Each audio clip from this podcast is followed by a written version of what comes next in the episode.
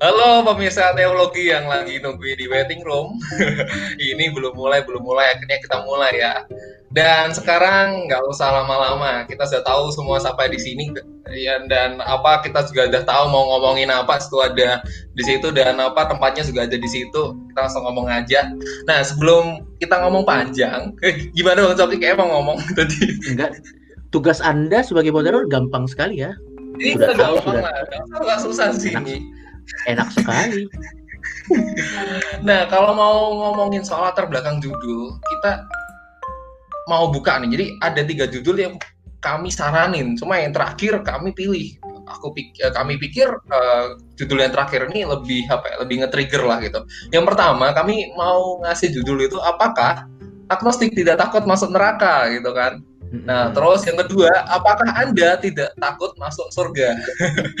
nah, lagi yang terakhir, akhirnya I'm going to hell in every religion. Yang ini diambil dari projectnya Bang Coki di Horus ya, Horus Project itu ya. Mungkin kalau teman-teman mau beli bajunya silahkan juga di situ.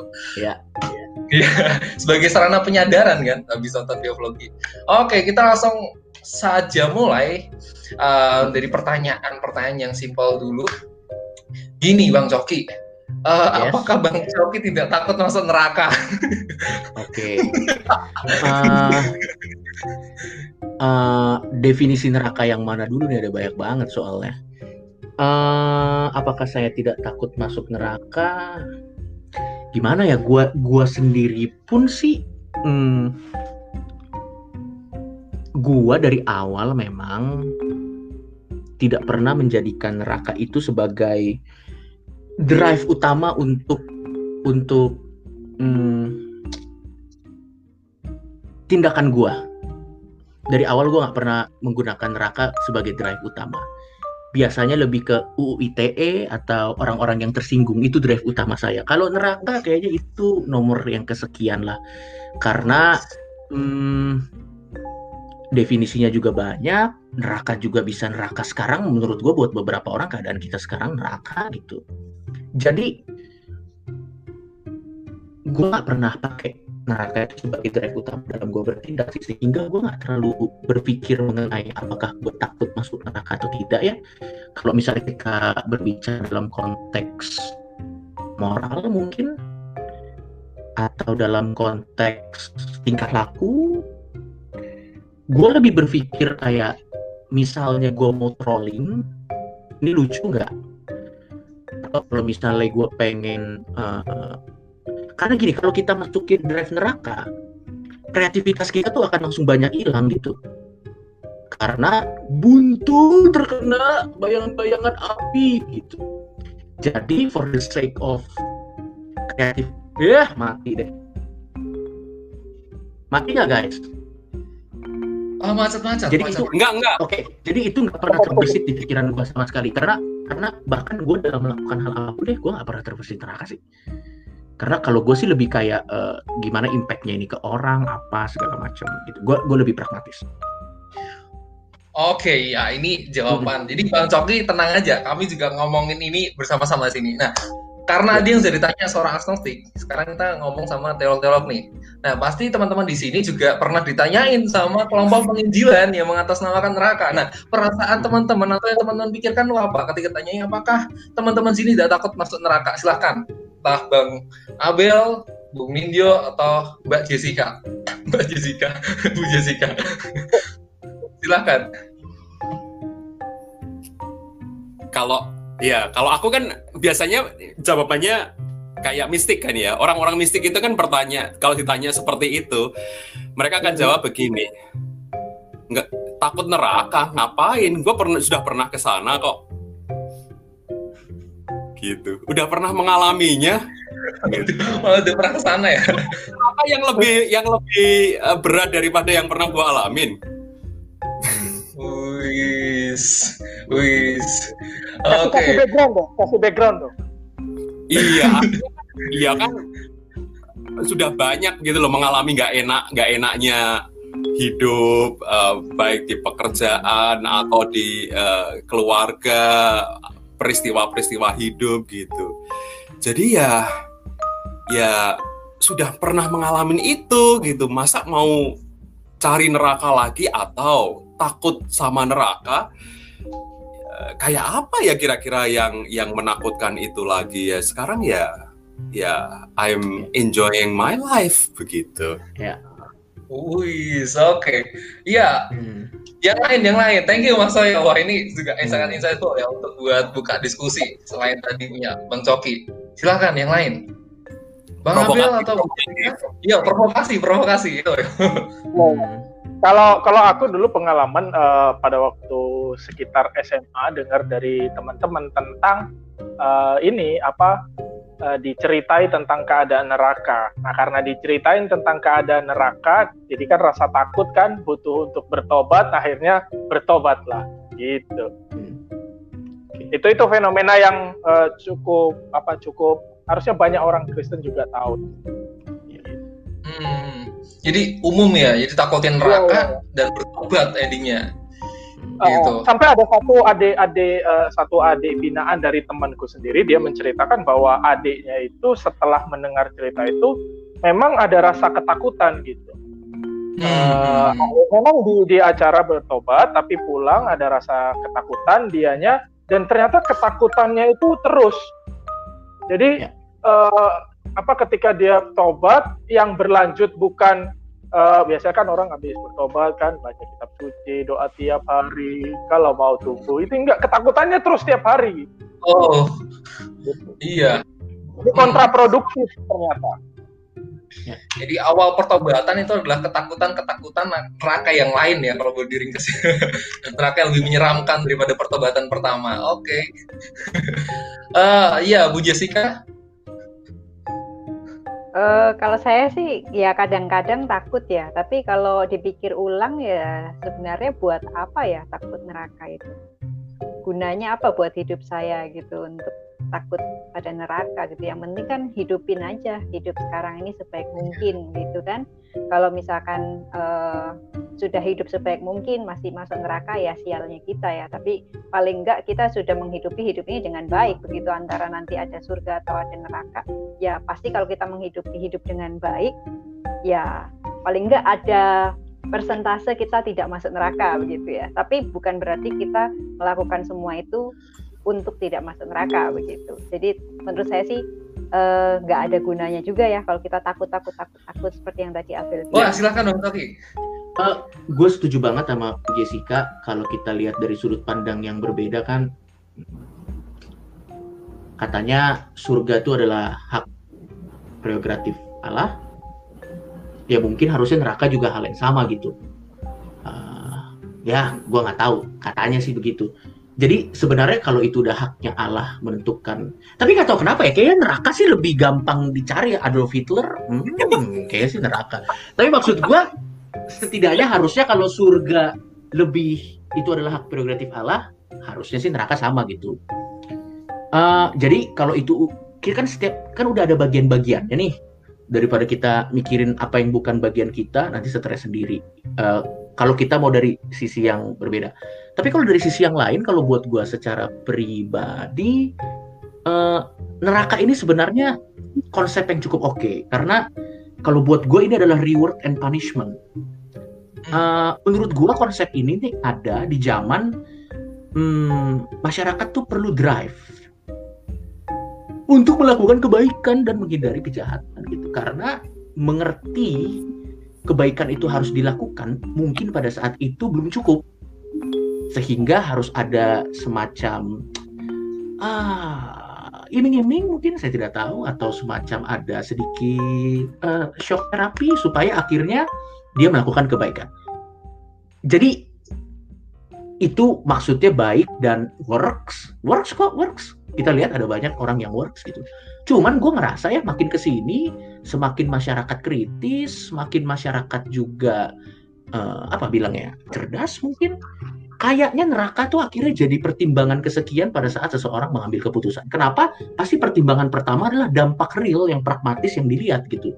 Karena biasanya orang lidahnya digunting, dicambuk itu jauh diangan-angan daripada ditangkap polisi gitu. Jadi kayaknya akhirnya neraka ini jadi tidak relevan paling tidak buat saya Mungkin pada saat kita lagi di, di kamar tidur sendirian kebayang tuh dipanggang, di apa gitu ya. Tapi kayaknya sih orang pada umumnya agak jarang ya terbersit ke neraka karena uh, apa ya ya masih ada hal neraka tuh level yang di sini gitu biasanya kita lebih concern sama hal yang ada di depan mata dan biasanya kalau kita udah melanggar hal yang di depan mata jalan ke sininya sih lebih jelas gitu. Jadi jadi jadi lebih lebih ketahuan. Terus yang ketiga kalau kita concern dengan hal itu itu jadi menghilangkan the beauty of life gitu. Gue tuh pernah merasa ya sifat carefree kita akan hilang kalau kita merasa apakah tindakan yang saya lakukan tadi akan membuat saya masuk neraka gitu. Men, kita nih hidup hidup itu adalah eksplorasi, hidup itu adalah pencarian. Kalau lu membatasi diri lo dengan kalau ini katanya masuk neraka, ini katanya mau ini, ini, itu menghilangkan keindahan dari hidup sendiri. Kesalahan, ya kesalahan bisa berakibat fatal. Tapi kalau kita lihat dari sisi lain kan, kesalahan itu adalah the new beginning untuk belajar. Jadi sih, buat buat gue ya, kalau kita mikir-mikirin apakah saya tak, takut masuk neraka, itu akan ngeblok um, evolve kita sebagai manusia yang lebih baik sih. Hmm, iya. Itu sih kalau kalau, kalau buat gue. Hmm, hmm. oh, oke, okay. Mas Jo habis itu Bang Abel. Iya, iya. Gue gue bertanya juga kepada uh, Coki ini. Tadi kan lo bilang gini uh, bahwa neraka, surga itu kan hak prerogatifnya iya. Allah. Ya. Tetapi sekarang uh, yang terakhir tadi kan yang aku dengar kan uh, adanya atau enggak adanya neraka khususnya di masyarakat yang makin maju, masyarakat yang makin modern, masyarakat yang makin dewasa itu kan jadinya kayak menghalangi sukacita kita ketika kita hidup. Jadi seolah-olah masih berada di dalam kerundungan uh, perundungan uh, uh, apa uh, uh, punishment and, and and and ini apa namanya reward itu begitu. Hmm. Nah, lalu uh, gimana ini me, dua hal yang kayaknya berbeda ini. Uh, iya, tapi kalau aku boleh nambahin sedikit aja, sedikit. Tadi juga Bang Coki ngomong ya, uh, supaya orang ini bisa di drive kebaikan ya. Berarti ada satu orang yang mimpin gitu kan, ada elitisme di situ. Ya, kalau kamu nggak suka aku, ya aku pakai konsep neraka supaya ngatur kamu. Silahkan, ya, ya. Bang Coki. Itu Bang Abel. Kalau kalau buat gue ya, sebenarnya gue tidak bermasalah dengan konsep neraka dan surga terlepas dari apakah gue percaya dengan konsep itu menurut gue itu konsep yang bagus kok. Karena itu dibuat untuk kebaikan semua orang gitu. Jadi sebenarnya tidak ada masalah. Tapi kenapa akhirnya neraka ini menjadi hal yang negatif? Kayaknya penggunaannya dalam rumah ibadah tuh dipakai untuk nakut-nakutin. Ah. sehingga akhirnya uh, the pointnya jadi missing gitu. Contoh anak kecil melakukan kesalahan sepele nanti masuk neraka. Maksud saya terlalu hardcore dong, anak kecil langsung dibilang masuk neraka. Dan akhirnya neraka itu menjadi kehilangan esensinya untuk reward dan punishment. Ini terlepas dari apakah gue percaya apa tidak. Pokoknya sih poin-poinnya buat gue sih gini, sesuatu yang dibuat untuk membuat orang menjadi lebih baik, harusnya nggak ada masalah dengan itu. Tapi mungkin aplikasinya, uh, gue nggak tahu ya kayaknya memang lebih seru di khotbah itu ngobrolin neraka daripada ngobrolin surga. Nanti akan dibakar gitu. Jadi orang kan padahal poinnya tuh bukan dirasa takutnya. Harusnya sih kalau buat gue ya kalau lo ingin mendrive orang supaya tidak melakukan dosa, coba lo bahas dari ada ibu lo yang tersakiti. Ada kakak lo yang tersakiti. Dia jadi nggak takut sama Alkitab. Tapi kalau Anda bahas ada lahar panas, apakah ini sin Lord of the Ring atau apa gitu. Jadi akhirnya orang tuh jadi kayak ah basi gitu. Mungkin, mungkin. Ini ini opini gua. Belum tentu benar. Oh, silakan Bang Abel. Hmm, iya, iya benar. Ya, uh, aku aku mau nanggapi yang tadi Bung Coki bilang tentang uh, apa namanya memang uh, ada gunanya yaitu memberikan punishment bagi bagi orang supaya dia berbuat baik gitu. Nah, kalau jadi aku jadi ingat tentang teori perkembangan moral, masalah reward dan punishment itu kan sebenarnya uh, apa ya level pertimbangan moral yang paling rendah gitu. Kalau di, kamu ya. tidak melakukan maka kamu dihukum. That's why anak kecil jadi melakukan gitu. Nah, naik sedikit reward gitu. Kalau kamu ya. tidak melakukan memang tidak dihukum, tapi nanti kalau kamu melakukan nanti dapat gitu kan. Jadi Betul. dia mau sampai nanti naik level-level berikutnya yang melampaui ya. semua level-level moral itu. Nah, justru Betul. menariknya ketika kita menggunakan neraka untuk membuat orang berbuat baik, sebenarnya itu adalah uh, apa ya? pendidikan yang tidak benar-benar mendidik sebenarnya karena akan mempertahankan orang melakukan pertimbangan ya. moral pada level yang pertama ya. doang. Betul, betul. Ya mungkin baby step itu level satu sih ya. Dan dan kadang kan faktanya kebanyakan orang yang butuh level 1 dan memang menyebalkan orang-orang itu. Tapi tidak apa-apa. Mungkin melihat kebutuhan itu akhirnya dibikin hal seperti itu. Jadi gue nggak pernah ada masalah gitu. Dan akhirnya yang terjadi konsep neraka ini lebih sering jadi jokes loh.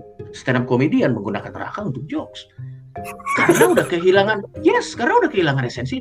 Orang tuh udah tidak takut karena dia lebih sering dipakai untuk nakut-nakutin gitu. Jadi kayak semacam sesuatu yang jauh gitu. Bahkan malah timbul pertanyaan-pertanyaan lain yang bisa kita bahas di lain, lain waktu lah gitu. Harusnya ya uh, digunakannya dengan tepat. Dan betul tadi kata Mas Abel bahwa memang itu kan sebenarnya kan the whole pointnya kan bukan itu. The whole pointnya adalah uh, ya kita melakukan kebaikan karena kita tahu itu baik. Ya tapi untuk anda yang otaknya belum nyampe ya pakai surga neraka dulu deh gitu kalau ini juga belum nyampe, waduh, ribet. Tapi maksudnya ya emang ada ada ada gitu. Jadi memang susah sih, memang ya ya udahlah.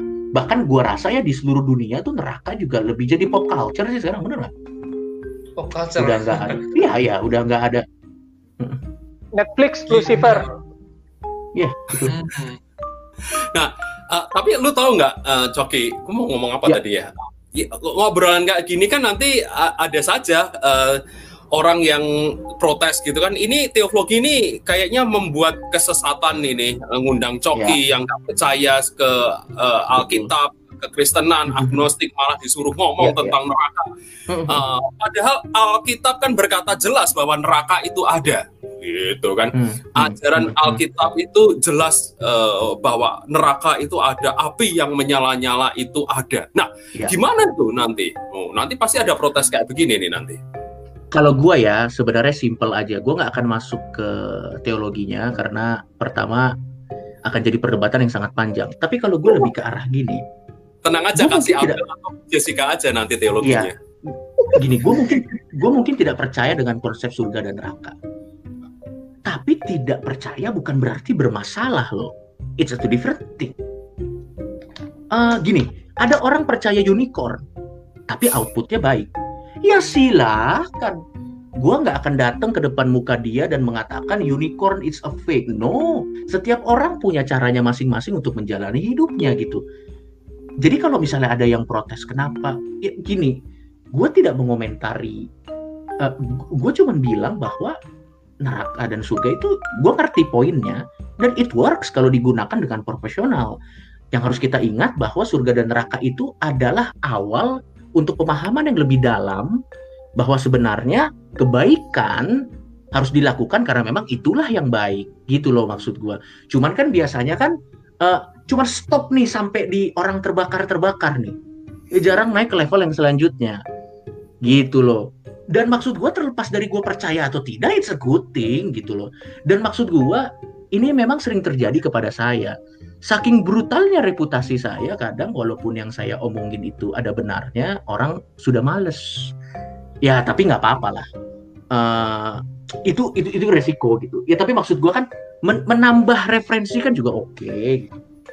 nggak apa-apa kalau ada yang merasa merasa seperti itu mah tapi apa ya kalau tadi ngomong neraka juga itu neraka ini kan apa ya kata-kata di teologi kan dan hmm. sekali lagi kita sudah ngomong banyak di teologi kalau teologi itu percakapan tentang pengalaman tentang Allah gitu kan dan kalau misalnya neraka dipercakapkan oleh satu orang wah itu jadi eksklusif dan iya.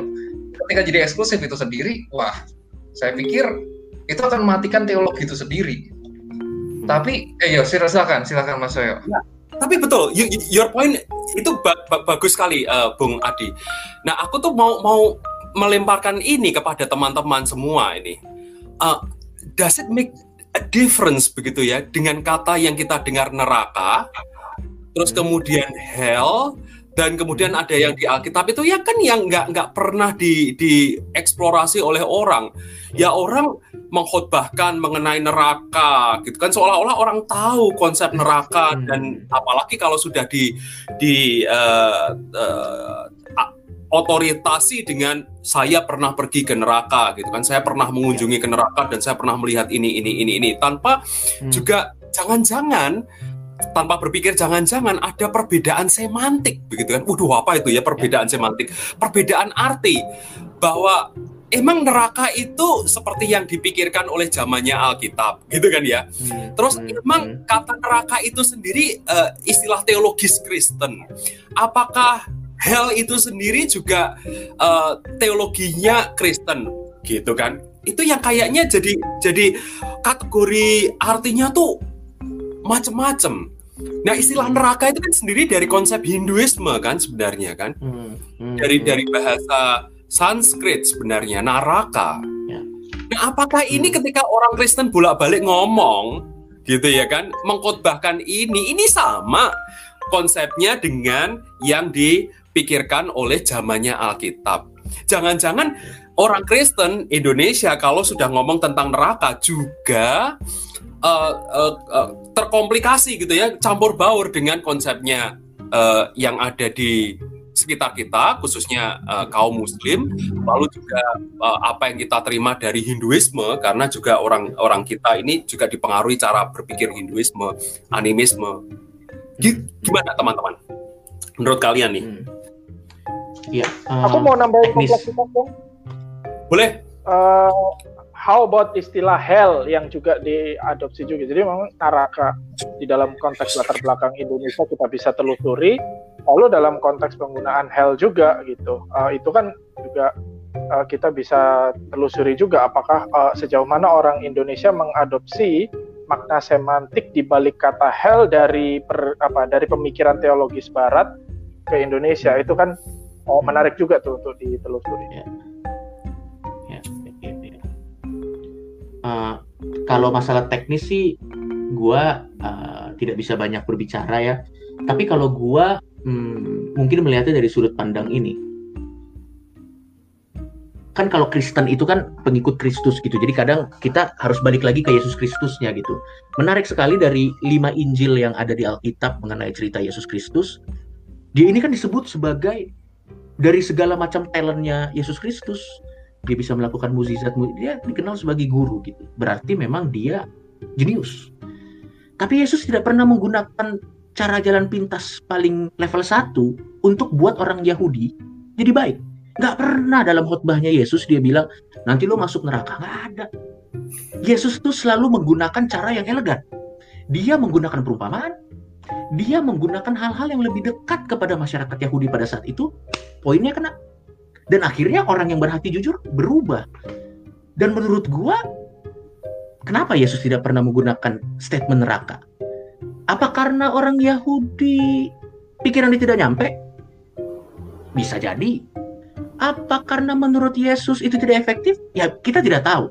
Tapi kalau gua melihat bahwa Yesus selalu mengutamakan ya mengen Yesus Yesus tidak pernah menggunakan dia selalu kasih kasih kasih kasih pernah beberapa kali dia keras bahkan pada saat dia membalik meja orang-orang yang jualan di bait itu kan salah satu momen Yesus marah sekali dong. Jarang loh Yesus marah. Itu kalau kayak kita lihat ada orang yang ketawa-tawa tiba-tiba ngebalikin meja, pasti kaget dong. Yesus ngebalikin meja sampai bilang orang yang jualan di bait itu adalah ular, tidak dibilang loh dia masuk neraka. Jadi maksud gua, hmm, Yesus punya cara lain untuk memberikan efek yang sama dan kita bisa mengerti dan kita bisa langsung ke level 2 tanpa harus surga dan neraka yang lebih menimbulkan polemik lagi, ketuker lagi sama ada yang lain lagi, apa segala macam dan yang lain lagi gitu. Uh, kalau gua ngelihatnya sih langsung dari Yesusnya aja gitu. Uh, itu menurut gua sekali lagi. Wih, Jessica, Jessica. Oke, lebih lebih konservatif ya. Makanya iya, iya ada yang Bujes, ini kan silakan. ini kan pendeta Coki yes. kan akhirnya kan. jadi kayak renungannya oke ya. iya. Iya. Kalau dari Bujes. pemaparan uh, Bang Coki ya, kita melihat bahwa oh iya ternyata Tuhan Yesus itu nggak pernah mengatakan di Alkitab bahwa oh nanti kalau misalkan Anda mencuri tanganmu akan dipotong jadi 10 gitu kan atau kalau sering bergosip lidahmu akan dipotong-potong ya kan atau akan hmm. terpanggang di atas api. Nah, sekarang kita harus bertanya ya dari mana konsep-konsep penghukuman yang seperti itu datang sehingga uh, banyak kali orang Kristen juga membicarakan hal-hal yang seperti itu, pemotongan, penyiksaan secara fisik. Padahal di Alkitab kan tidak pernah mengatakan soal itu. Tuhan Yesus sendiri mengatakan ya kita akan dilemparkan ke api, tapi nggak pernah yang namanya kita dipotong-potong, dicacah-cacah. Nah, ini menjadi sebuah pertanyaan bagi kita, jangan-jangan itu sendiri bukan konsep Kristen atau bukan konsep Alkitab. Nah, pertanyaannya dari mana konsep seperti itu? Kalau memang tidak ada di Alkitab, kenapa orang Kristen mengadopsi konsep-konsep yang jahanam itu ya, maksudnya yang uh, sadistik seperti itu begitu loh. Bagaimana teman-teman? Ini ya pertanyaan yang keren uh, dan bagus sekali. Um, ini menarik sih. Karena gini sih Bu Jas, orang kan kalau balik ke Alkitab ya, nah di sini ada pendeta Coki, saya mau challenge juga ini sama pendeta ah, Coki. Jangan langsung kasih beban dong. yang tadi dibilang kan uh, pakai Alkitab gitu kan. Dan cuman masalahnya orang itu kan akan kembali loh. Yesus bilang loh, Yesus bilang mengenai masalah orang akan dibuang ke dalam api dan di situ ada ratapan dan kertak gigi begitu kan. Nah itu kan berarti uh, surga itu real. Nah kalau di sana ada kertakan gigi itu ngapain? Nah kan kemudian imajinasi berkembang tuh. Oh, di sana tuh ada siksa api neraka, uh, orang dibegitukan, dibeginikan, begitu yeah. kan kalau yeah. grafik lah ya. Hmm. Tapi kita tahu apa artinya. Nah, lalu, nah sekarang problemnya adalah ini ini ini kategori yang dua yang tidak atau jarang sekali dipikirkan yeah, yeah. yaitu neraka ini sebenarnya neraka kekal atau sementara sih, gitu ya kan? Uh, ini ini eternal torment gitu ya kan orang itu di ya. dicacah-cacah dibantai dimasukkan ke api itu kekal atau hmm. ini sementara nah ya, gitu ya. Uh, aku lempar di sini dulu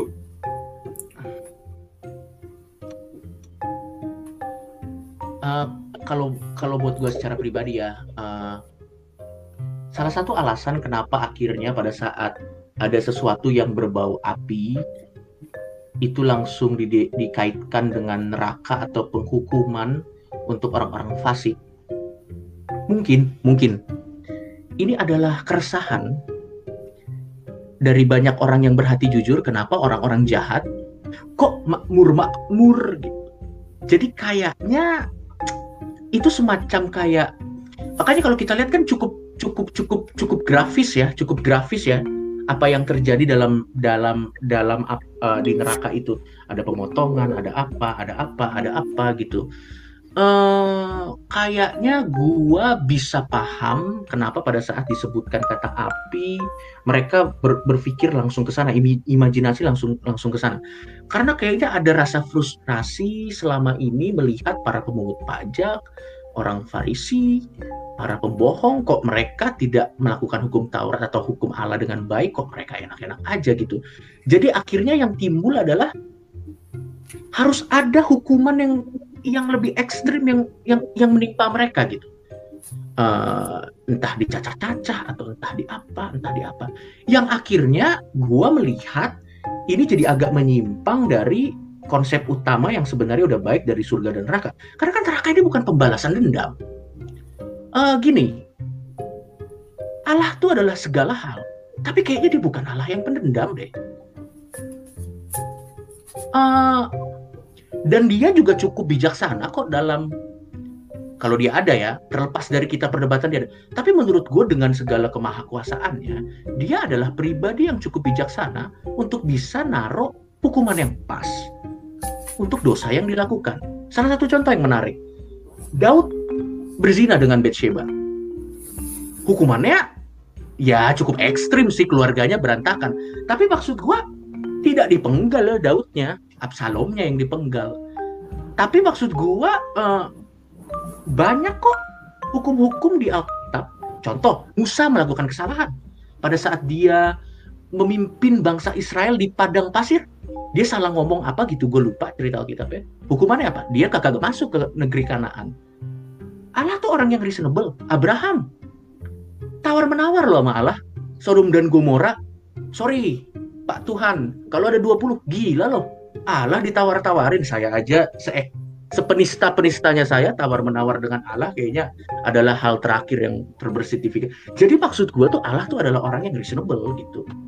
Kayaknya lo gak tahu kalau Abraham Hah? itu lebih agnostik dari lo? Uh, saya sih tahu sih. Yang agak sulit saya terima bagian dia tiba-tiba mau nyembelih aja. Anyway, uh, maksud gue banyak sekali contoh-contoh di Alkitab yang menunjukkan bahwa kalau kita lihat dengan common sense, Allah ini sangat reasonable. Dia bukan Allah yang kaku, bahkan kalau bisa ada cara untuk menyelamatkan orang. Contoh, dia mengirim Yunus ke Niniwe. Mohon maaf, Niniwe itu adalah sebuah kota yang isinya pertumpahan darah, kata Alkitab. Dia masih kirim Yunus ke Niniwe. Yunusnya aja males, bilang gila kali ini Allah puter balik dia. Maksud gue tuh, Allah tuh sangat positive thinking kalau dia bisa melihat ada cara untuk menyelamatkan orang, marilah kita selamatkan. Jadi gua rasa konsep-konsep penusukan, pembakaran, pemotongan itu lahirnya kalau buat gua itu dari manusia. Rasa frustrasi, kenapa orang-orang fasik hukumannya cuma mati? Kayaknya tuh nggak cukup dong. Dia kan sudah merugikan banyak sekali orang. Kayaknya kalau mati doang nggak cukup. Nah, pada saat lu ada rasa dendam dan mengharapkan dia dipotong-potong, siapa yang psikopat itu kan kita tidak tahu gitu loh. Yang psikopat apakah orang yang Anda harapkan kena hukuman atau imajinasi-imajinasi psikopat Anda gitu. Karena gue percaya Yesus, Allah, Uh, tergantung nih ada yang menganggap itu adalah hal yang sama ada yang menganggap itu dua hal yang berbeda. Tapi maksud gue banyak sekali contoh Alkitab yang menunjukkan bahwa kalau ada cara damai mereka pilih cara damai. Biasanya penghukuman-penghukuman keras yang Allah lakukan itu karena bangsa Israelnya yang batu. Jadi mau nggak mau Babylon uh, menginvasi Yerusalem dan yang lain-lain tapi kan sebelum itu terjadi Allah mengirimkan nabinya dong Menurut gua Allah tuh psikopat kalau tiba-tiba dia mengirimkan penghukuman ke hambanya tanpa ada peringatan. Tapi dia tidak dong, dia reasonable. Ah, ada ada segudang ada segudang cerita lah. Atau bahkan dari mulai si pelacur yang mau ditimpuk terus dikasih garis yang punya dosa duluan, masa di sebelah sana jarinya dipotong 10 kalau buat gua itu adalah rasa frustrasi manusia dari uh, kayaknya gini saya paham, menjadi orang adil benar berat memang. Menjadi orang adil benar berat. Udah jujur, susah, miskin. Orang jujur miskin dong. Kalau kita berbohong biasanya lebih udah jujur miskin. Kadang kita berbuat baik tidak dipuji kan. Kita mengembalikan. Emang jadi orang baik susah. Begitu ngelihat jadi orang jahat lebih kaya, gue sangat. Pasti dendam dong. Pasti dendam dong. Anjing lah.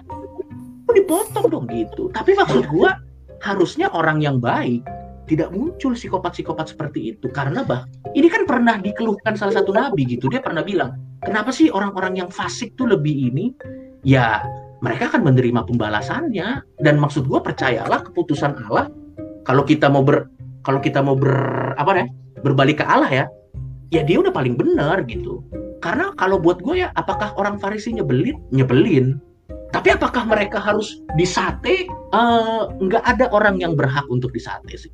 Se ekstrim ekstrimnya lu itu hukuman Mongolia. Makanya Mongolia dibilang salah satu empire terbloodthirsty gitu. Tapi kalau Allah yang sama yang menciptakan Taman Eden dan mengambil Hawa dari tulang rusuk Adam, kayaknya tidak terbersit konsep-konsep seperti itu menurut gua konsep manusia, rasa frustrasi yang bisa dimengerti dan akhirnya membuat neraka itu sendiri menjadi buat beberapa orang tidak seksi karena jadi cuman balas dendam aja. Dan kalau kita balas dendam, apa bedanya kita dengan orang Yesus bilang kalau tampar pipi kiri kasih pipi kanan? Masa kita balas dendam? Tidak dong. Kalau menurut saya seperti itu. Dan kalau boleh nambahin ya, kalau tadi kan Bang Coki pakai kata-kata ini gue kan. Jadi ini gue itu yang pengen balas dendam bukan Allah, yang pengen balas dendam itu Yunusnya gitu.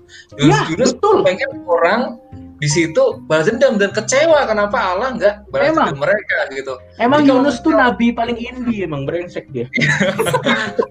iya dan kalau kita lihat sekarang kan biasanya ini ya kita iya. malah uh, rasa rasanya rasa rasanya sependek yang eh yeah. se, se, sependek uh, lingkungan saya itu ditakut-takutin yeah. gitu kan bahkan mm-hmm. uh, sampai ke ranah legalis gitu kan yeah, yeah. itu benar-benar ah iya tapi memang menarik sih teman-teman. Tapi gue uh, sorry sorry. Oke mau lanjutin lagi? Enggak, gue gue tapi gue gue tidak hmm. menyangkal bahwa itu dibuat untuk niat yang baik. Dan untuk beberapa kasus it works. Tapi memang uh, penggunaannya atau emosi yang timbul dari situ akhirnya membuat uh, gini banyak orang lari dari agama karena konsep ini loh. Uh, banyak loh uh, Richard Dawkins Richard Dawkins tuh kayaknya sebel sama semua agama karena karena neraka ya. Sebut tokoh-tokoh ateis yang katanya neo ateis dan banyak orang-orang kritis tuh kabur karena konsep neraka gitu. Padahal menurut gue ya harusnya neraka ini tidak merepresentasikan Yesus yang gue tahu sih. Uh, tidak merepresentasikan Allah. Gue sempat baca Alkitab dulu sebelum saya sibuk dengan hal-hal duniawi. Dan menarik kok seneng kok gue bukan buku horor Gua gua nggak percaya sih kalau itu cuma masa lalu, lu masih hafal itu kayaknya tiap hari saat teduh deh. Masa sih? memang. Aku memang di samping, memang di samping sini ada Alkitab memang. Wah, tapi, tapi, tapi dulu, tapi dulu, tapi dulu gue sempet enggak ya ya ya ya itu aja. Hmm. hmm. Jadi mas saya mau ngomong apa? Aku aku mau mau tease out kita semua. Gimana dengan uh, kalau Coki mengatakan ya itu mungkin uh, purpose-nya baik dibuat dengan uh, uh, cara baik. Tetapi ya apakah hmm. memang harus berpikir apa apakah artinya seperti itu? Itu yang aku dengar ya, um, ya. tapi bagaimana misalnya dengan ini teman-teman? Kita coba dong eksplorasi Matius pasal 25 ayat 46 itu kan ada tuh ya. eternal punishment di sana gitu kan nah. penghukuman kekal. Nah itu kan terus yeah. kemudian yang terbayang oleh orang hmm. ini, ini memang dihukum kekal gitu, yeah. dirajam, yeah, yeah. dirajam kekal gitu. Hmm. Hmm. Mana dong teman-teman? Uh, yang menarik uh, ya di situ, silakan, silakan Mas Abel. Uh, aku sebenarnya uh, mau ngangkat isu lagi juga Matius 5 tentang ketika Yesus bilang barang siapa ini nanti akan neraka gitu kan. Awalnya kan uh, Gehenna kan sebenarnya kan. Satu ya, area ya. di luar yang yang merupakan itu tempat terkutuk lah menurut uh, orang Israel waktu itu ketika penggunaan kata Gehenna dipakai tapi penerjemahan ke Inggris dan Indonesia tiba-tiba langsung jadi hell dan neraka gitu kan jadi uh, tiba-tiba tuh ada ada cepat-cepat amat tiba-tiba langsung neraka dan hell terus uh, yang kedua uh, aku nggak tahu apakah uh, ini ini ini uh, cuman challenge saja sih. Uh, Bart Ehrman kan uh, menjelaskan juga tentang yang Matius 25 itu uh, tentang punishment gitu. Nah, yang menarik adalah harus dilihat kata dia harus dilihat ya sekali lagi dia sarjana perjanjian baru yang respectful ya well respected lah dia. Uh, it, itu harus dibaca dalam konteks mengkontraskan kan and eternal life eternal punishment kan bukan hmm. torture. Jadi kalau ya. life ya lawannya adalah death, bukan torture. Nah itu itu insight yang menarik itu, yang men-challenge kita untuk melihat lagi fungsi neraka ini apa sebenarnya. Betul. Menarik, menarik Mas Abel karena kalau kita ambil dari eh, dari eternal yang tadi itu kan sebenarnya tidak spesifik apa yang dilakukan di sana kan ya hanya eternal terlepas dari memang itu adalah masalah diksi dan yang lain-lain gitu ya memang ya kadang hmm, perintilan-perintilannya itu lahir dari imajinasi imajinasi kita sendiri gitu mengenai uh, uh, uh, the point is menurut gua adalah uh, harusnya harus ada cara yang lebih elegan. Gini, lu mau percaya neraka silakan, lu mau percaya surga silakan gitu. Kalau itu mendrive lo untuk menjadi manusia yang lebih baik, kenapa tidak? Kalau lo menggunakan itu untuk jadi baby step lo, ya kenapa tidak gitu. Daripada kita berdebat mengenai apakah neraka ini ada atau tidak, eh, tapi kita tetap mencuri, kan tidak efektif gitu. Lebih baik ya kalau lu masih di level baby step silakan. Kalau lu udah di atas ya nggak apa-apa juga gitu. Cuman memang kadang uh, pemakaian kata neraka yang eksesif dalam sermon-sermon atau preaching-preaching hmm. gitu itu sangat membuat orang menjadi gini Rumah ibadah itu adalah rumah Allah. Di mana kalau kita berdosa kita datang. Kalau kata pertama yang muncul adalah neraka, putar balik dong. Maksud gue gitu. Yesus kan maksudnya kan dia makanya Yesus kan bergaulnya tuh sama Yesus juga indi itu dulu tuh dia bergaulnya sama orang-orang wadaw, bukan orang-orang wadaw ya orang-orang yang dibenci gitu. Jadi harusnya mengingat mengingat bahwa kita itu harus merangkul orang-orang berdosa. Let's say lah memang neraka itu ada. Iya harusnya jangan eksesif karena kita harus ingat ini rumah Allah. Kita tidak tahu siapa yang datang ke gereja saat itu. Misalnya dia, ah, aku ingin datang untuk mendapatkan penghiburan. Ah, begitu duduk, Anda akan dibakar hmm ini saya seperti nonton saw gitu loh maksud gua ada cara lain supaya poinnya sampai tanpa harus tanpa harus melakukan hal itu gitu. Tapi memang itu seksi dan sangat menggoda untuk dilakukan. Uh, gimana ya? Karena memang yang negatif itu lebih gampang gitu. Ya, itu udah udah udah udah hal umum. Tapi kalau boleh nanggepin yang masa tadi ya sebelum ke Bang Coki ya. Uh, kalau dilihat itu Yesus ngomongnya itu Matius ya ngomongnya tuh sama komunitas Yahudi sependek yang saya tahu ya. Uh, the buku buku bacaan saya yang terbatas historical yang terbatas tuh ngomong sama orang Yahudi yang percaya tentang eternal itu. Dia nggak ngomong sama orang Yahudi yang saduki yang nggak percaya tentang neraka. Jadi uh, Yesus pakai bahasa itu supaya uh, apa ya ya sama mereka gitu ngerti konsepnya gimana ya. Kalau pinjem kata-kata Bang Coki tadi uh, pakai Betul. bahasa mereka untuk bagaimana menjelaskan yang baik. Karena apa ya? Betul. Betul. kalau kita lihat di endingnya sendiri Yesus malah mengatakan ya uh, sensia tuh kita tuh manusia bebas gitu kan. Apalagi kan Matius Markus Yohanes itu kan uh, sumbernya ya berapa beberapa dari surat Paulus itu sendiri. Hmm. walaupun masih debatable ya nah um, ini agak teknis nih, tapi sangat penting teman-teman. Ini kan mumpung juga banyak pemirsanya juga. Uh, Di di apa di video yang lain kita pernah bikin diskusi tentang neraka ini kan Kristus sudah mati perlukah neraka itu ya. nah ada satu buku yang aku sebutin itu dari seorang sarjana Alkitab dia ahli Matius dan dia itu bikin disertasi, bikin studi, uh, judulnya itu Educating Early Christians through the rhetoric of hell. Nah, ini sangat terkait sebenarnya dengan apa yang Coki tadi katakan dari awal dan juga di uh, garis bawahi oleh teman-teman sekalian. Jadi kayaknya memang betul uh, reward and punishment itu itu dipakai untuk komunitas Matius dan uh, si penulis Megan Henning ini dia pakai teori retorika dan dia melihat bahwa uh, ini ada nih retorika di dunia Roma begitu. Ini ini retorika yang memang dipakai untuk mendidik anak kecil. Paideia si Megan Henning ini ini ini pakai teori itu untuk kemudian melihat ini loh.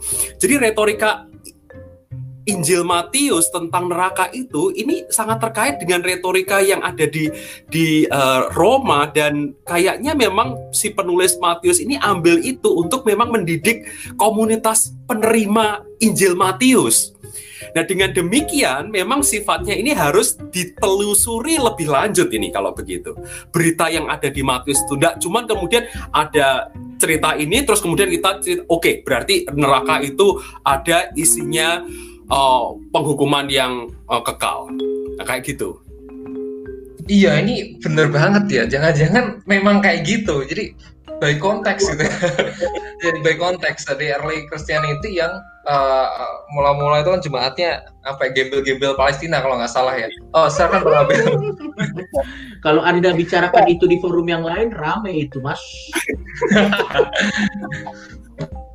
Iya ya, uh, kalau aku mau balik challenge lagi kalau tadi aku men-challenge uh, apa namanya uh, fungsi dari neraka lewat uh, tadi Matius dan Mas Nindo tadi mendukung itu di Matius aku malah balik lagi men-challenge kritik terhadap fungsi neraka bagaimana dengan satu Yohanes uh, juga mengeluarkan istilah yang sama kolasin jadi bukan cuman uh, Matean korpus tapi Johanin korpus juga nah ini kan menarik nih uh, dan uh, sense-nya di Yohanes itu uh, bukan punishment dalam arti Z hilang gitu, lawan dari life. Jadi benar-benar penghukuman gitu. Nah itu itu yang uh, menarik. Jadi ini suara suara yang ini ya, suara lainnya ya. Gitu.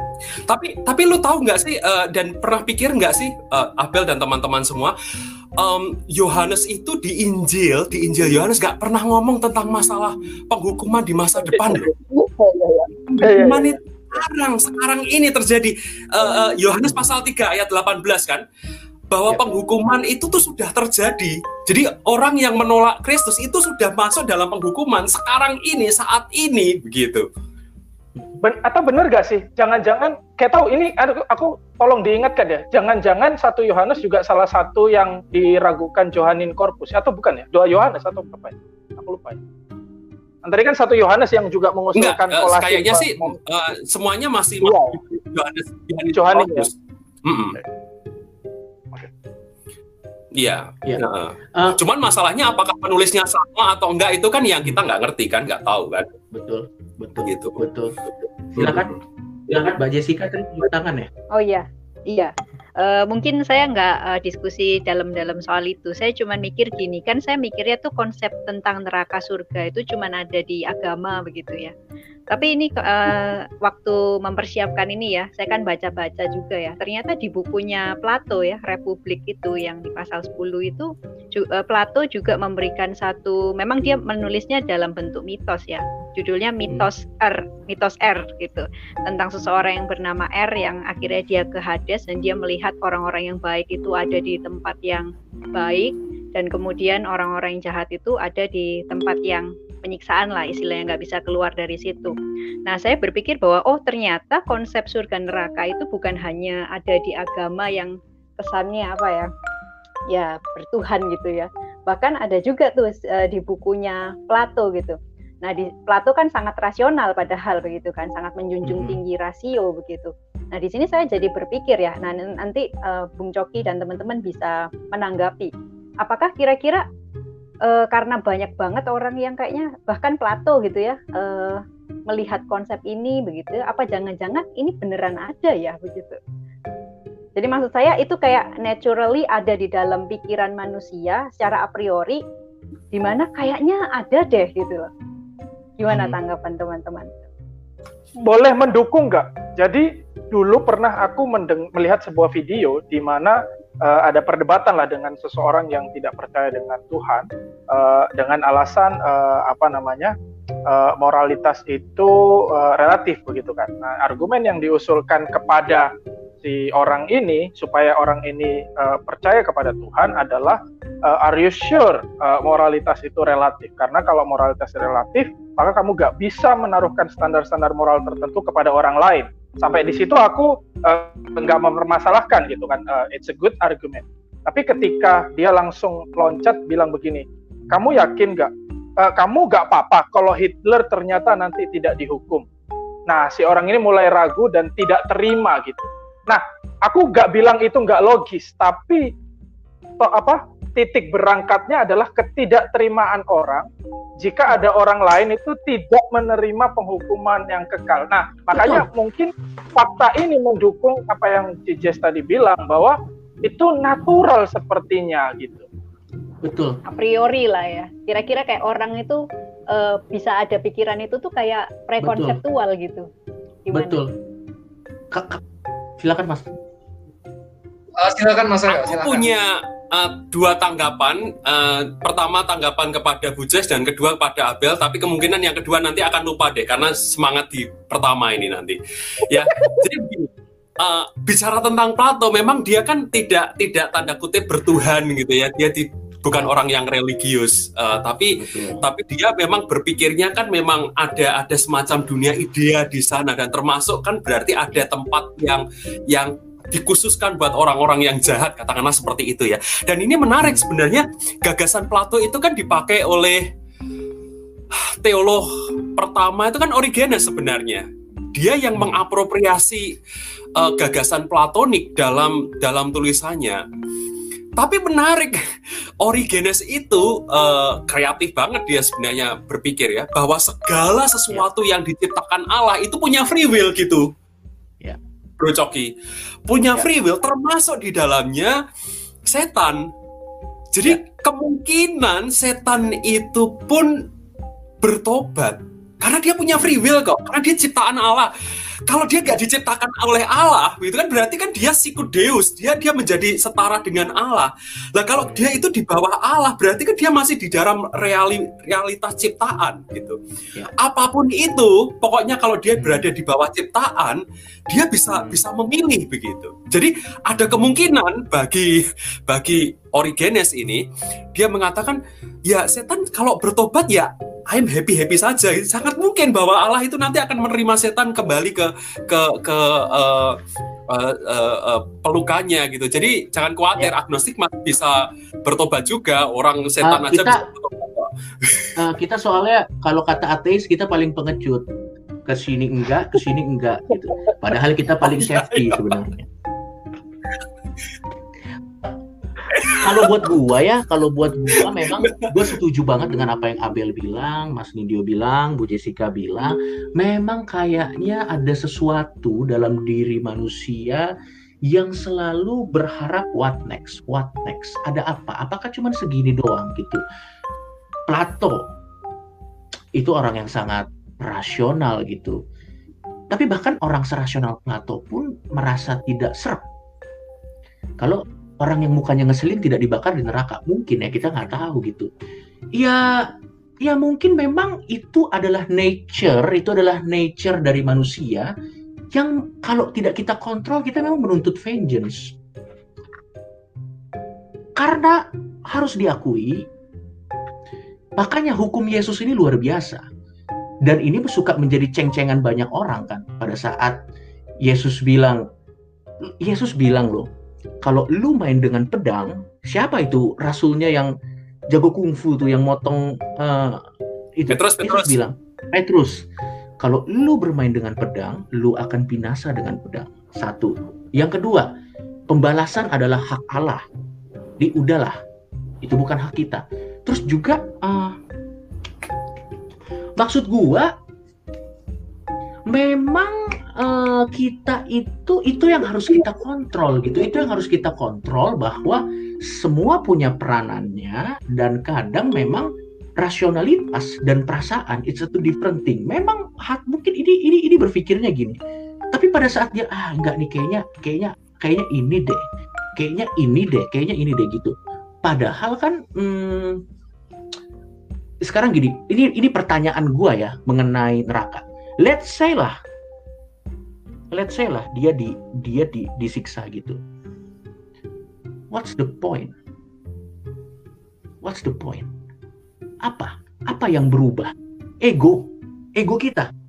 Ego kita. Kita cuma seneng kan? Kita tertawa pada saat Hitler dibakar. Sekarang kita lihat siapa yang Hitler. Nggak gini. Dulu Hitler tertawa waktu orang Yahudi ditaruh di kamar gas. Psikopat? Yes.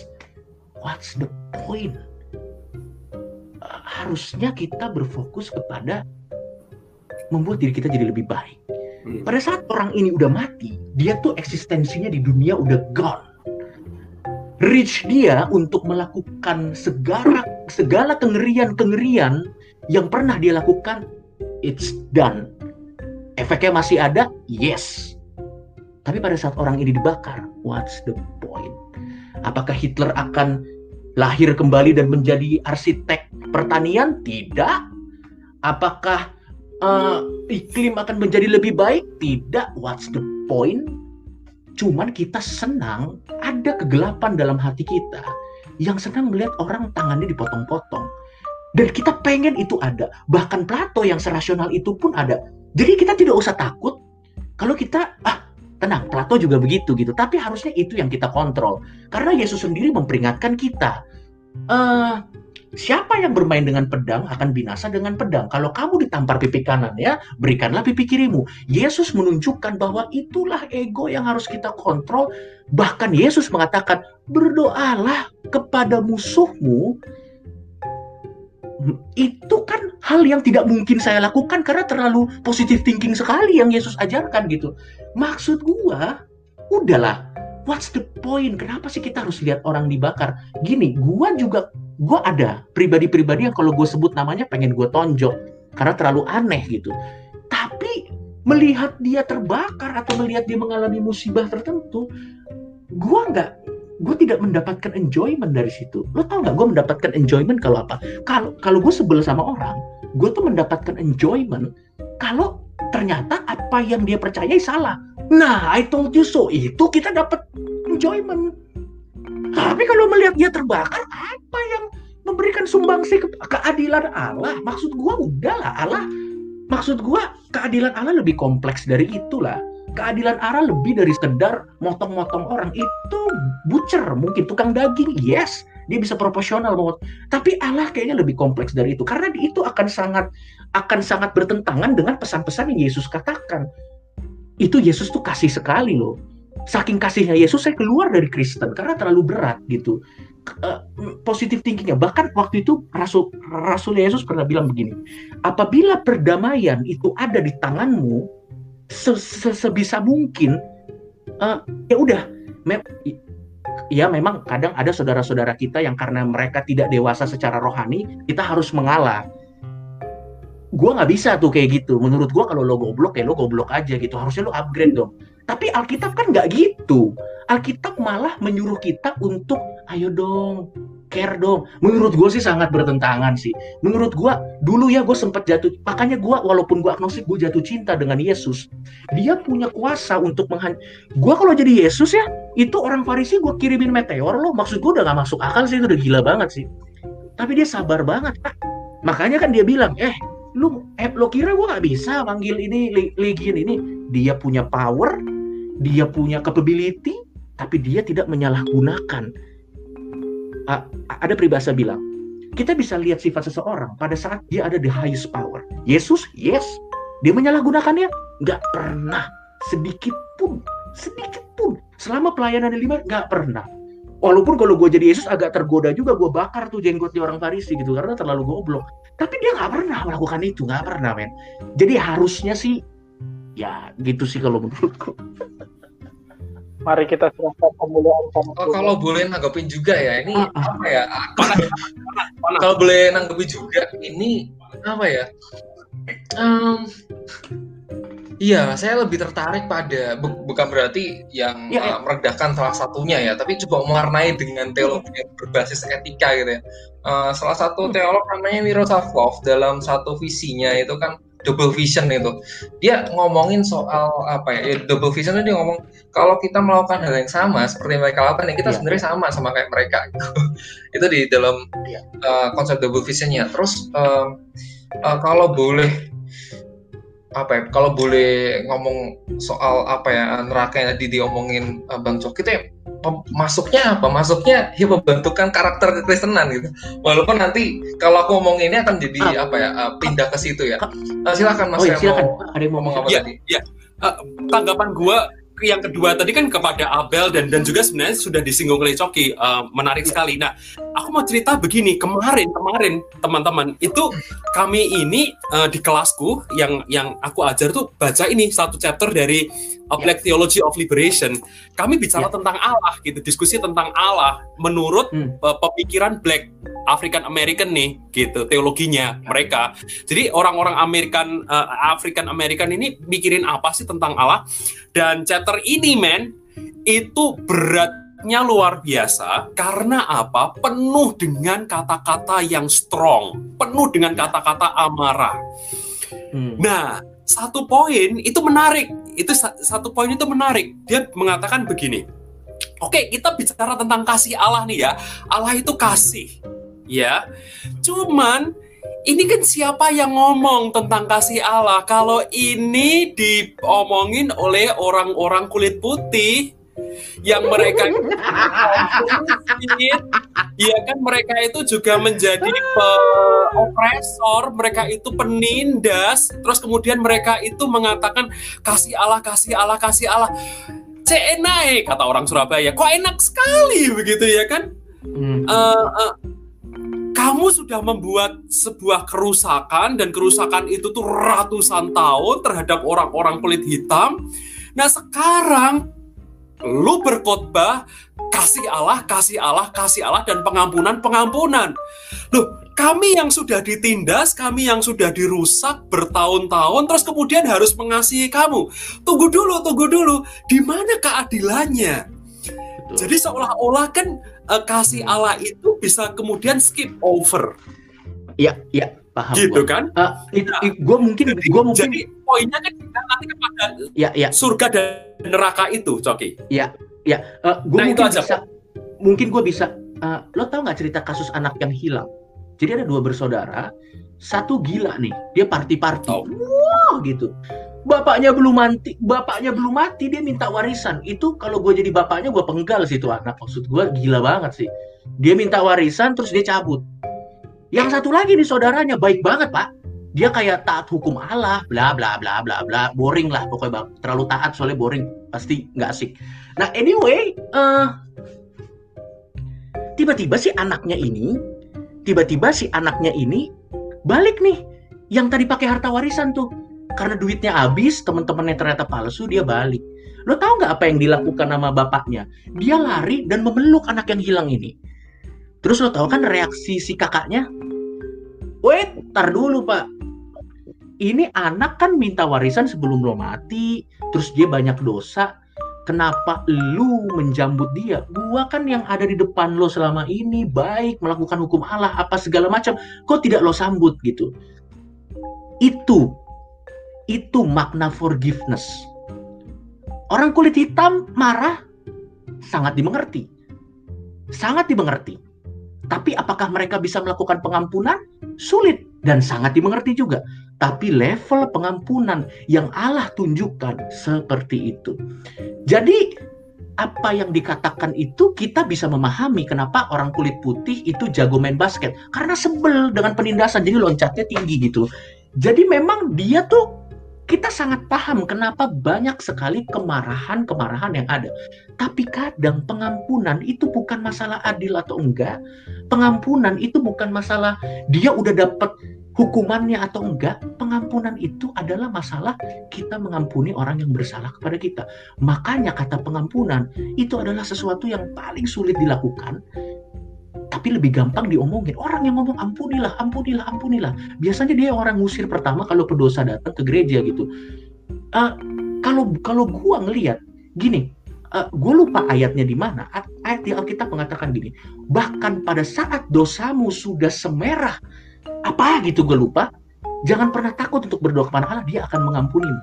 Forgiveness itu nggak bisa lo hitung dari besar uh, ruginya seberapa, ininya berapa. Kalau begitu Allah mah kalkulator. Mohon maaf, Allah kan lebih canggih dari Etcher. Allah kan pasti softwarenya lebih keren gitu. Tapi bukan berarti gua mengecilkan apa yang dikatakan teman-teman dari kulit. Sangat bisa dimengerti. Gua juga kalau jadi orang kulit hitam pasti punya anger yang sama. Gua juga pasti akan berat sekali untuk mengampuni orang-orang kulit putih yang di depan muka gua ngomong Allah adalah kasih, ada hasrat ingin menonjok mungkin akan sangat tinggi gitu. Tapi memang level forgiveness itu emang gila banget pak. Itu makanya harusnya Allah siapa pun dia ya adalah tempat yang sangat kita harusnya nggak pernah berkecil hati sih.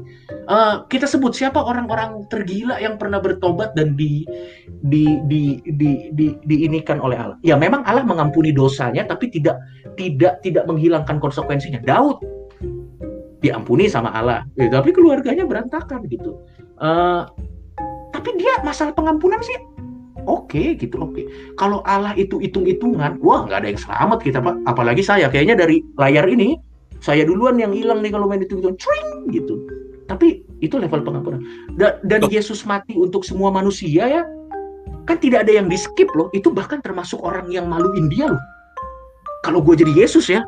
Kayaknya yang dia ini jangan deh bapak yang yang yang itu jangan yang itu jangan ini nih ini yang naruh uh, ini duri di gua. Kagak ada itu hitungan kalau buat gua sih. Makanya level forgivenessnya tuh gila banget. Itu Yesus yang gue cintai. Yang sekarang sulit dicari. Menurut gue sih itu. nambahin ayat. Ya. Uh, Mazmur 103 ayat 10 tidak dilakukannya pada kita setimpal dengan dosa kita dan tidak dibalasnya kepada kita setimpal dengan kesalahan kita. Itu forgivenessnya Tuhan kan. Nah memang kadang-kadang yang justru sekali lagi uh, sampai di sini mungkin uh, tadi kan arah diskusinya kan bukan tentang ada atau tidak tapi fungsinya yang yang kita justru hmm pertanyakan kan. Mm, mm. Dan mm. sering kali justru ketika Allah yang menunjukkan pengampunan yang sedemikian rupa, by the way tentang yeah. anak yang sulung yang marah-marah juga, bapaknya mengampuni dan ngajak pesta juga kan. Nah, jadi even kita nggak bisa nggak bisa ngampuni orang, tetap kita juga diampuni diajak pesta kan gitu kan. Eh, jadi tunggu, tunggu, dulu, tunggu dulu, tunggu dulu, tunggu dulu. Jangan-jangan bapaknya merasa bersalah itu, itu itu permintaan maaf Bisa jadi, bisa jadi, bisa jadi iya. Poin poin poin itu adalah poinnya adalah pengampunan Tuhan yang sebegitu besarnya yang tidak setimpal dengan apa yang kita lakukan. Lah kok kita kepada orang lain berharap dia dapat yang setimpal? Da, uh bagus banget Abel. Bagus banget Abel. Dan menurut gue itu sih yang harus kita kontrol gitu. Dan gue bukan gue bukan orang suci ya. Harus diakui kadang rasa-rasa itu muncul gitu Apalagi kita ngeliat orang yang nyebelin, hmm, semoga dia ditabrak motor. Agak psikopat memang. Tapi lo tau nggak? Uh, kan uh, baju gue itu kan uh, tulisannya adalah I'm going to hell in every religion. Itu sebenarnya menunjukkan bahwa memang ada kebingungan dengan konsep neraka ini sendiri. Dan itu adalah masalah yang nyata. Ini artinya macam-macam. Kalau kita lihat dari segi literal, I'm going to hell in every religion. Berarti artinya mungkin karena dia live his life to the fullest dan belum bertobat mungkin dia akan masuk neraka. Kalau dilihat nih oh di ini di ini. Mungkin itu yang pertama. Atau yang kedua mungkin I'm going to hell every ketidak pedean dia sebagai manusia dia sudah melakukan standar-standar Allah dengan baik. Saking rendah hatinya dia bahkan dia tidak percaya diri. Biasanya tuh kalau pendeta tuh wah masuk surga nih. Ah enggak. Sejauh ini belum ada ya pendeta oh iya saya masuk surga. Belum ada nih. Berarti ini menunjukkan kerendah hatian atau keraguan-raguan mengenai neraka itu sendiri. Itu kita bisa lihat dari berbagai hal. Atau I'm going to hell in every religion itu uh, ya tidak ada yang tahu. Pertama tidak ada yang tahu apakah neraka ini ada atau tidak. Kalau gue punya opini gue sendiri tapi tidak ada perdebatannya terlalu panjang sehingga memiringkan makna yang terpenting yaitu tentang forgiveness the point is adalah kayaknya memang hell ini sendiri, konsep hell ini tersendiri, buat di dalam kekristenan dan di luar kekristenan, ini memang menjadi masalah yang serius. Untuk di dalam kekristenan, uh, biasanya nih kalau ada pendeta yang ngomong tentang neraka, yang nonton oma-oma, dan biasa udah budek setengah. Jadi biasanya kayaknya nggak dia nggak tahu nih ngomong tentang hell. Uh, anak muda kalau ngomong tentang hell kabur iris kuping gua kabur tidak seksi. Untuk orang di luar Kristen atau orang-orang ateis ini jadi alat yang ini jadi salah satu amunisi untuk menyerang gitu. Dan menurut gua the, the problem is adalah penggunaan yang tidak elegan. Gini deh, gak ada yang salah kalau itu dibuat untuk kemaslahatan umat gitu. Tapi kadang uh, uh, Alkitab nih memang di awal-awal ada tentang perang, ada di beberapa tentang ada perang. Tapi the point is adalah buku kasih sebenarnya. Dan uh, kadang itu gini, gue tuh siapa sih yang nggak nyaman pak? Kita datang ke gereja diceritain tentang neraka, pulang deg-degan. Kita kan tidak tersegarkan gitu loh uh, uh, the point is kalau kita datang ke gereja kita tersegarkan. Oh ternyata ayat ini meaningnya ini. Oh ternyata masih ada harapan. Saya bisa menjadi manusia yang lebih baik. Jadi kalau anda pulang deg-degan nonton uh, Conjuring, oke okay, gitu. Kenapa anda harus ke gereja?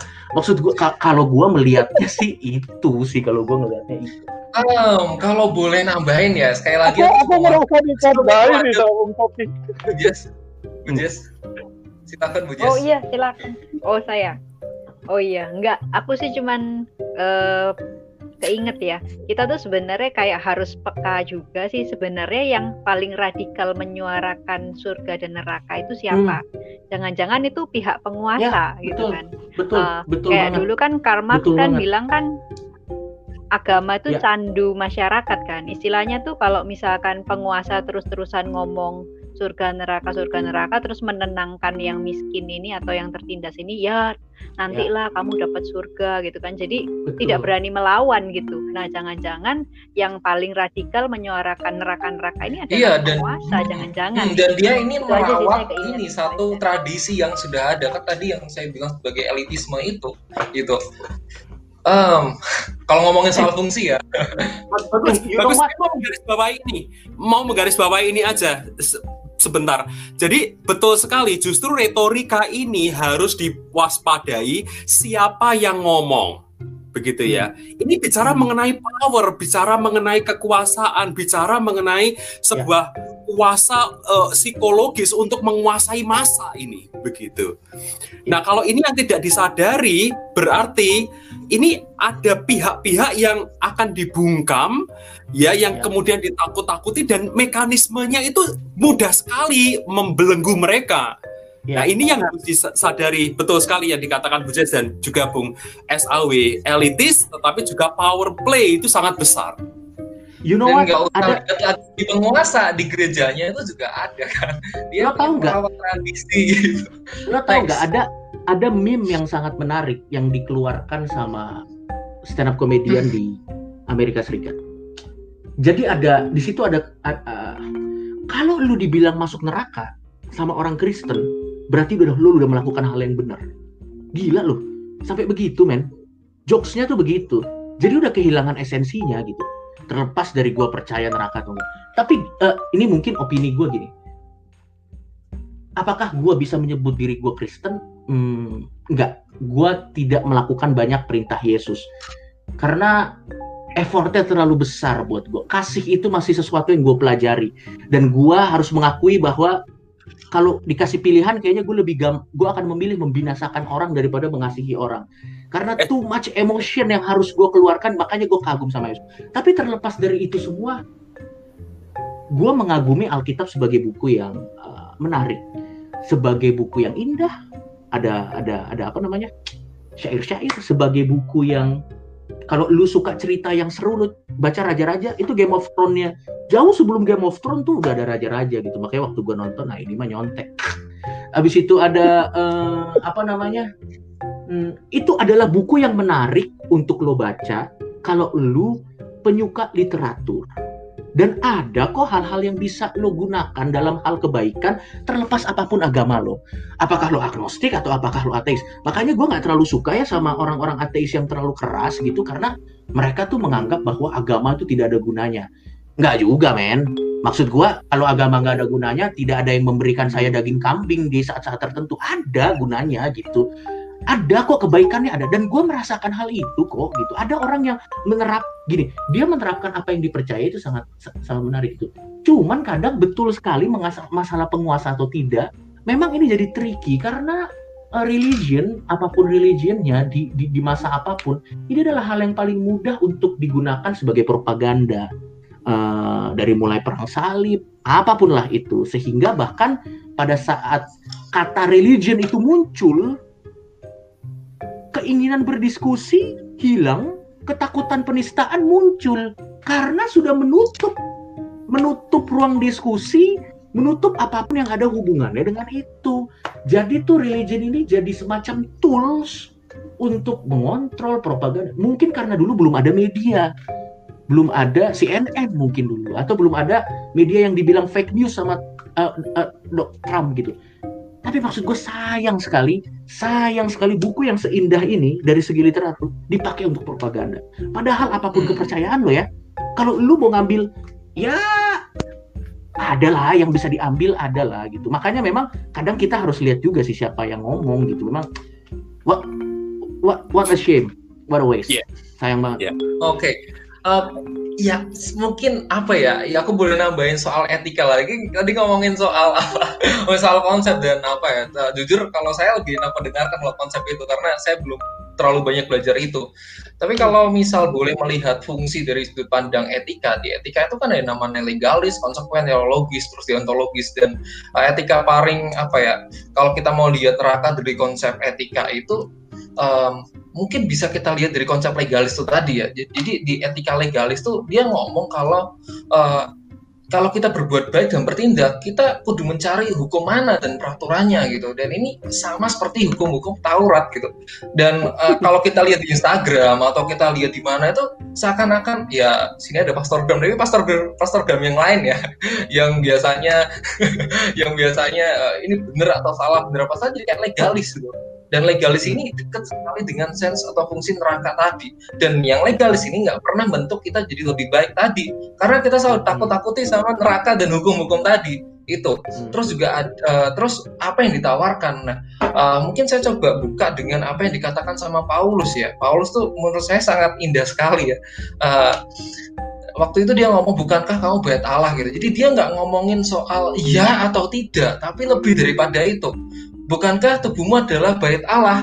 Nah, kalau bait Allah, kamu mikir diri dong, jangan nyari hukum-hukumnya atau jangan uh, takut dengan segala apa yang dikasih sama penguasa sama kamu, tapi mikir sendiri gitu. Kau dia uh, diajari untuk uh, uh, uh, diajari untuk apa? Ya, berpikir, oh, aku punya satu keputusan iman untuk melakukan ini dan itu jauh lebih berani daripada legalis tadi yang mungkin lebih dekat ke etika konsekuensialis ya. Uh, terus yang terakhir menurut saya ya jadi kalau misal kita berbuat baik dengan ditakuti api neraka itu menurut apa ya uh, etika karakter itu nggak bakal membuatnya jadi lebih baik gitu. Bahkan untuk sekedar fungsi loh.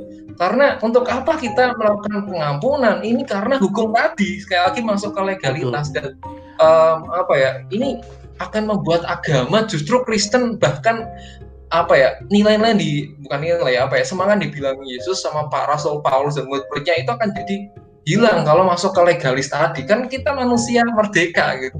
Nggak terikat sama hukum-hukum taruh lagi yang benar atau salah. Itu sih kalau boleh saya menambahkan. Tadi soal konsep. Lo tau nggak kalau misalnya kita kita telaah dari perjanjian lama dari perjanjian baru. Perjanjian lama ada yang namanya 10 hukum Taurat. Dan kita tahu itu sangat berat. Karena orang Israel banyak yang melanggar. Berarti berat kan? Dan yang menarik adalah mata ganti mata. Oke? okay?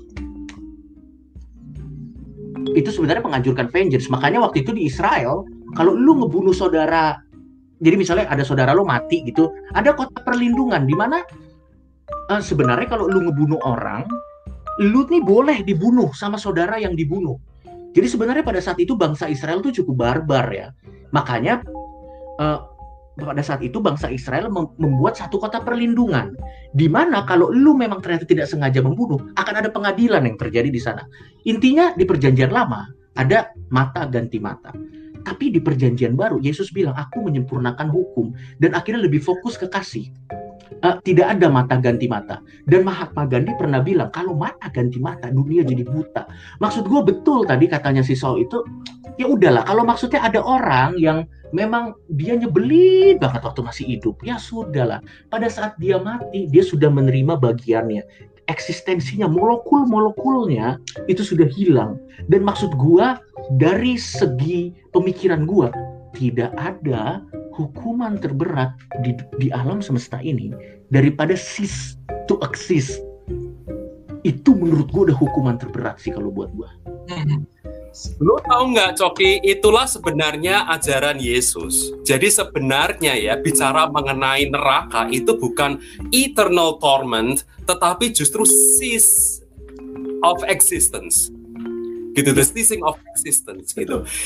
Di dalam Alkitab tadi Pastor Randy itu mengatakan uh, kegelapan uh, yang pekat. Dan kegelapan itu bicara mengenai apa sih? Keadaan terpisah dari Allah.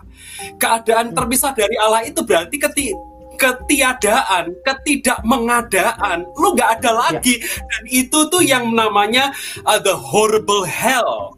Iya. Itu. Itu gitu. ngeri ya. banget loh, Pak. Ngeri banget ya. loh itu. Dan ya. untuk dan yang tadi... suka banyak ngomong kayak kita ya, itu serem banget. iya, Buat banyak orang ini hell di sini ini kita ini ngomong itu ngeri banget loh. Tadi tadi ada apa ya yang satu ingat dan mungkin apa ya uh, terima kasih banget sama Mas Yoyo. Mungkin ada kaitannya ya. Dulu tuh saya bingung kenapa Matius itu ngobrol hendaklah kamu sempurna sama seperti bapakmu adalah sempurna gitu. Dan ketika itu Mas Yoyo barusan tadi Mas Yoyo ngomong kalau uh, ada peneliti atau teolog yang ngomongin kalau ini deket sama uh, peraturan-peraturan gitu ya. Kalau bahasa saya itu legalis tuh.